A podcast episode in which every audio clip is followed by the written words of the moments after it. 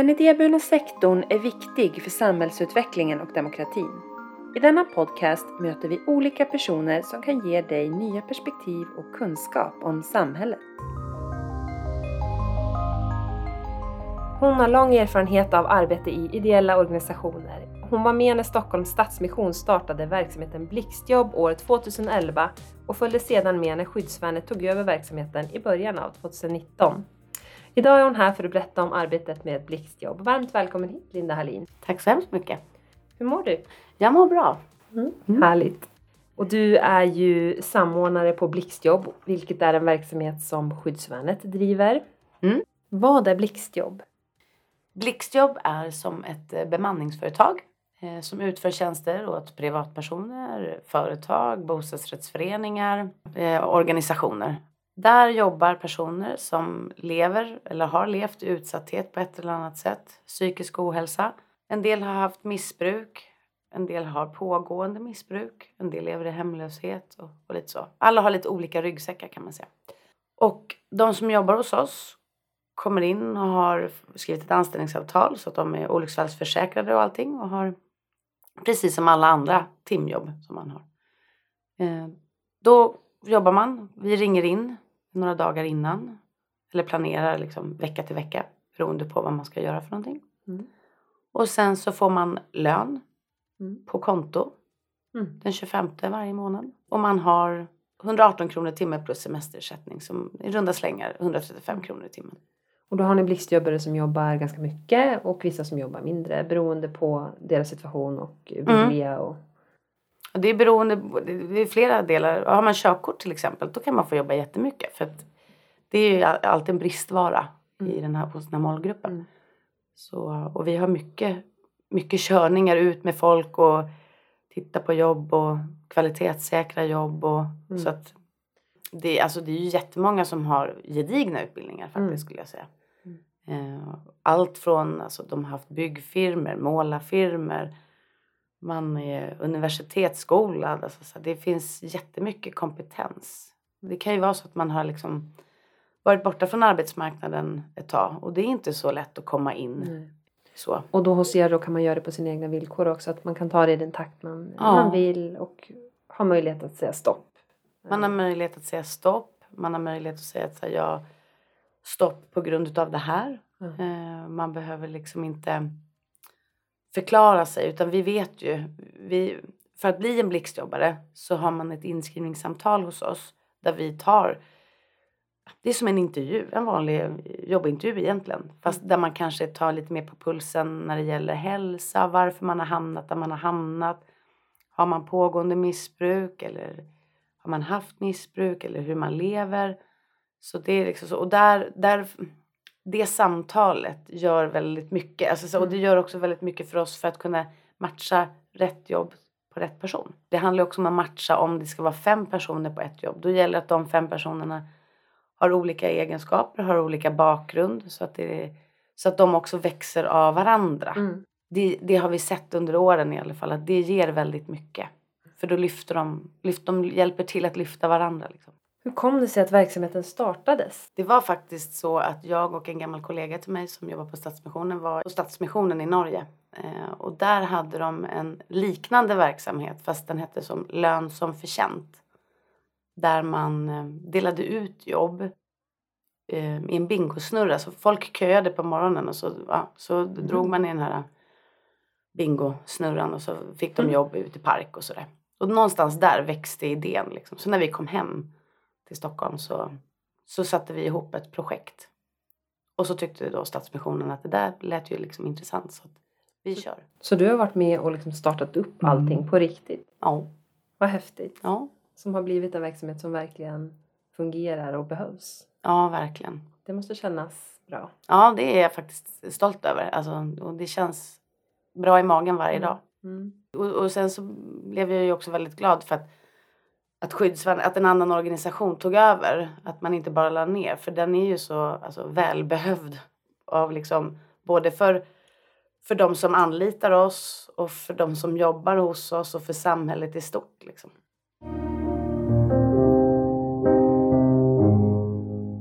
Vilken typ av bakgrund har en typisk blixtjobbare?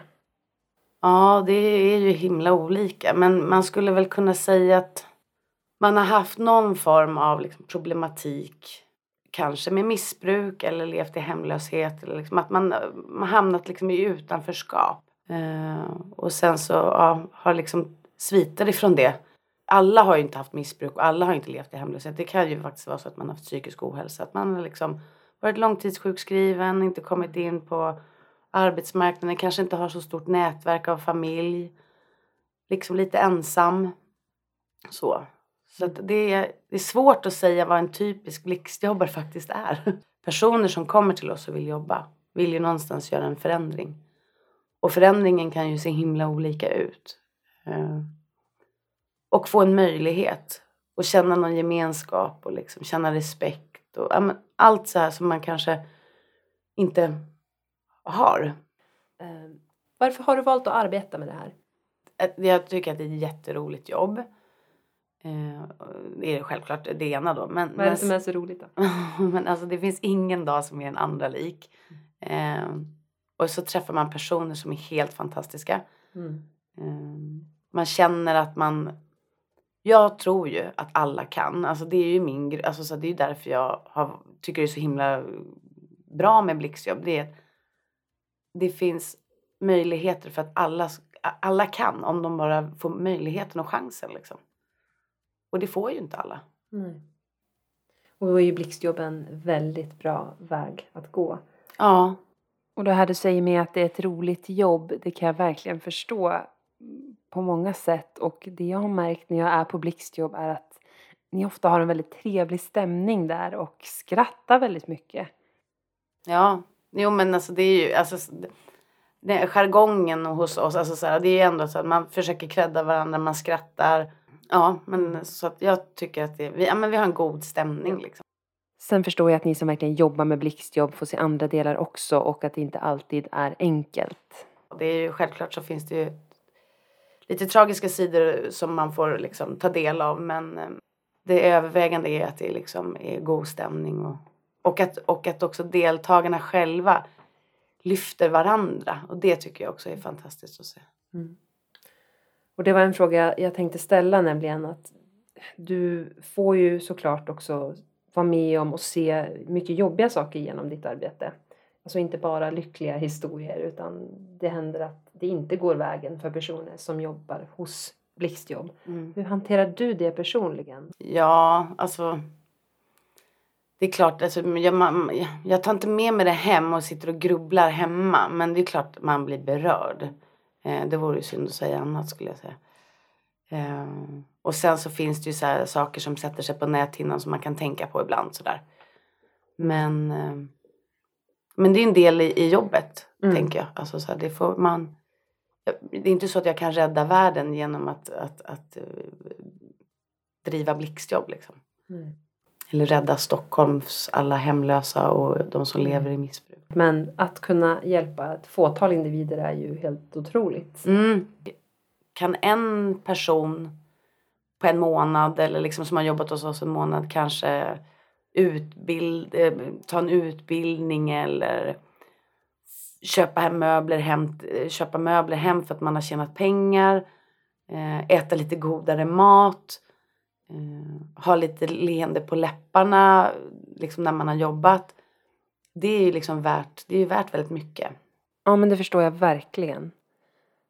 Vad skulle du säga är målet för en blixtjobbare? Men det, är också, det, det, det, ser himla olika ut. För en del kan det ju vara att man ska minska sitt missbruk, sluta helt, hålla sig nykter och drogfri för att man har liksom kommit dit. En del vill um, bara liksom träffa lite nya människor.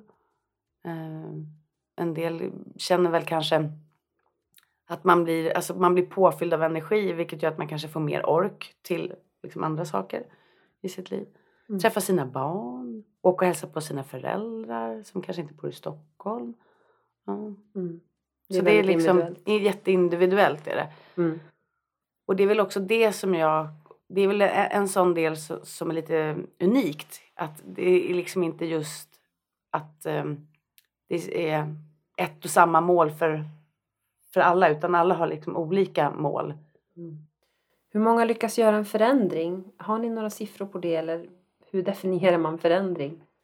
Ja, hur definierar man förändring? Vem sätter den etiketten liksom? Mm. Det är ju Mm. spännande. Ja. Eh, jag tänker förändringen har de gjort redan genom, genom att komma in genom dörren. Alltså att välja att tacka ja till ett jobb den dagen. Det är en förändring. Mm. Verkligen. Mm. En vanlig fråga som jag vet att ni ofta får är Tänk om blixtjobbarna köper alkohol eller droger för pengarna. Mm. Hur gör ni då? Så man, man måste ta det där ansvaret själv. Eh, jag är liksom ingen förmyndare. Men det som är, då får man ju tänka så här, ja, om de inte hade fått lön, vad hade de gjort? Mm. Hur hade de fått pengar till alkohol och droger då? Jo, genom inbrott kanske, genom att sno cyklar, genom att liksom göra kriminella handlingar. Eh, och nu gör de ju faktiskt inte det, utan nu jobbar de ju. Mm. Och då får man ju också betala skatt. Mm. Man, eh, vi tar inga UP-tester som det heter, urinprov. Eh, och inga blodprover heller. Men däremot så använder vi utav eh, alkoholmätare. Eh, framförallt på alla som kör bil. Eh, och sen så vet man, om de som man vet har alkoholproblematik så får de blåsa. Eh, så. Och Sen kan vi göra tester liksom oförhappandes liksom. Eh, när det gäller alkoholdelen. Men när det gäller droger så tar vi inga prover. Eh, däremot så eh, säger vi till om vi skulle uppfatta att man är påverkad eller att man är simmig på ögonen eller att det skulle vara någonting som, som relaterar till att det kan vara att man har brukat droger. Mm. Och det kan ju vara lite svårt idag för en, en, en, del som sover ute som jobbar kan ju se väldigt trött ut och, och vara när man kommer till jobbet så. Men eh, nej, vi Mm. tar inga. Vad är det för åldrar på de som eh, arbetar på blixtjobb? Det är allt från, den yngsta idag, han är 19 Mm. och den äldsta är väl 68. Oj, det är så brett. Ja. Men det, det allra vanligaste då? Är det, Ja, Men det ska jag väl säga kanske mittspannet där någonstans. Ja, men 40 plus. mm. är det män eller kvinnor främst? Övervägande män. Mm. Eh, Varför är det så tror du? Ja, det, det har, den frågan har jag fått jättemånga gånger och, och jag vet inte om jag säger rätt svar faktiskt. Alltså så här, om jag ska vara helt ärlig. Vad du tror då? Men jag tror att det kan vara så att kvinnor som lever i utsatthet, de lever i utsatthet på ett annat sätt Mm. än vad männen gör. Eh, De försöker att liksom hålla sig undan, kanske går till olika verksamheter på dagtid, vila lite om de lever i hemlöshet. Så sova, tvätta, duscha, äta. Men ni har också kvinnor? Vi har kvinnor, absolut. Och, det, och när vi väl har, liksom fångar in kvinnorna när vi får in ett gäng tjejer som jobbar. Så då brukar det liksom komma, då fylls det på med mera för det brukar liksom ge ringa på vattnet. Mm. Skyddsvärnet tillhör ju den idéburna sektorn som vi vet gör ett viktigt arbete för att bland annat hjälpa och stötta utsatta grupper i samhället. Och du har ju engagerat dig i ideella organisationer under en stor del av ditt liv. Ja, nästan hela. Nästan hela livet. Varför behövs ideella organisationer i samhället enligt dig? Som samhället ser ut idag eh, så, så finns det utanförskap och utsatthet. Och skyddsnätet runt omkring kan ju inte, de hanterar det ju inte. Och då behöver den ideella sektorn lyftas fram och, och, och hjälpa till och höja rösten för de som inte kan, orkar eller har liksom möjligheten.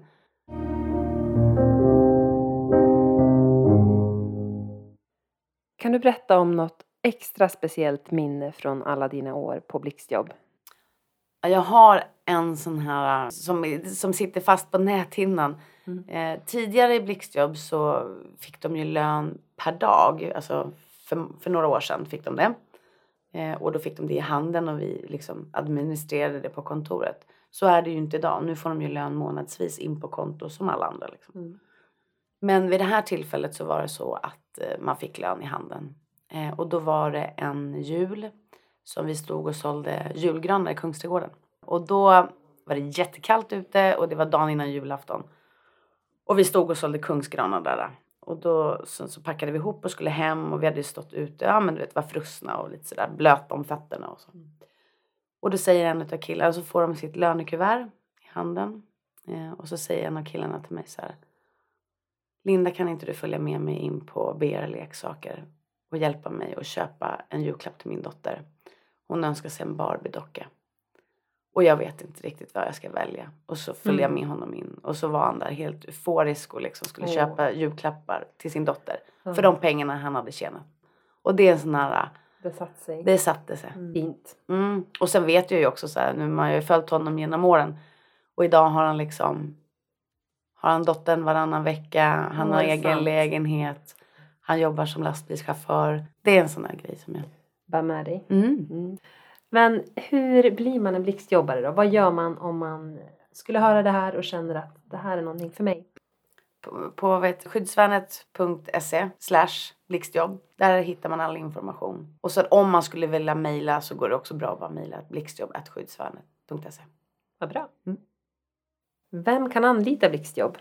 Vem som helst. Eh, nej, privatpersoner och företag och organisationer och bostadsrättsföreningar och så. Så ni har många olika typer av kunder. Mm. Mycket privatkunder faktiskt. Är det den största delen? Ja, skulle säga det nu. Ja. Under hela liksom, Blixtjobbs tid sedan 2011 så har det alltid varit så att företag har vi minst utav. Det är organisationer och föreningar och, och, och stiftelser och, Mm. och privatpersoner. Vilket jag tycker också är häftigt att privatperson, man kan ju tro att, så här, att det inte är privatpersoner för att man känner sig, man vet inte vem som kommer och det här, man kanske känner så åh det här har ju personer som lever i utsatthet. Eh, så är det inte. Nej. Du, då tycker jag att vi passar på att pinga företag här och säga anlita blixtjobb och få ett kvalitativt arbete utfört samtidigt som man bidrar till en hållbar samhällsutveckling. Ja, verkligen. Tveka inte. Tveka inte att höra av er och fråga om, om, om vi kan eh, åta oss uppdraget. Det kan ju vara det kan vara så att man inte tänker så, ah, men det kanske inte någon kan göra men, men eh, vi, vi, vi gör det mesta utom el och rör brukar jag säga. Ni utlovar ett kvalitativt arbete och ett glatt humör ofta, eller hur? Ja, ett, ett, glatt humör och trevliga tjejer och killar som jobbar hos oss och liksom som, som är så tacksamma för att få, liksom, få jobba. Det är väldigt ofta jag får in, som jobbar med kommunikation på Skyddsvärnet, som får in såna här fina historier från framförallt privatpersoner som har anlitat eh, blixtjobb, som skriver på Instagram eh, Mm. om vilket, vilka fantastiska möten de har med individerna som jobbar på blixtjobb. Och det är alltså himla kul att läsa. Mm. Ja men det, det är faktiskt en, en, en, en vinst i att eh, anlita oss. Om man vill anlita blixtjobb, hur gör man då? Då går man in på samma sida som tidigare, Blixtjobb. Mm. På skyddsvärnet.se slash blixtjobb. Precis. Och där finns det formulär som man kan fylla i. Och känner man att man liksom vill ställa frågor och så, då är det bara att man mejlar så svarar vi Mm. på så fort vi har möjlighet. Men du Linda, vad är det bästa med ditt jobb? Det bästa är att, den den, ja, att man inte riktigt vet vad som händer. Eh, nej, men det bästa är, nej, men alltså, jag tycker att det är helt fantastiskt att se personer växa och må, liksom, må bra av att ha städat i två timmar kanske på ett kontor eller i en butik eller och så är de liksom helt nöjda med sig själva, de känner att de har gjort något bra. Det är liksom, ja liksom säger jag hela tiden. Eh, Nej men det, det tycker jag är fantastiskt. Ja. Ja, Alla kan. Liksom. Kan du dela med dig av någonting som inte många vet om dig? Ja. och jag som är öppen som en bok. Ja. Eh, nej men det är väl att jag har varit en hockeymamma i alla fall. Där 12-13 år. Stått och skrikit på läktaren och hejat och, och, och stått och gjort mackor och sånt där till grabbarna. Mm. Åh, vad roligt. Det kan jag verkligen se framför mig.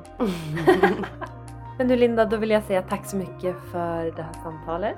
Och vi ses ju Mm. framöver också. Mm, mm. Men du får ha det så bra så länge. Mm, tack, tack detsamma.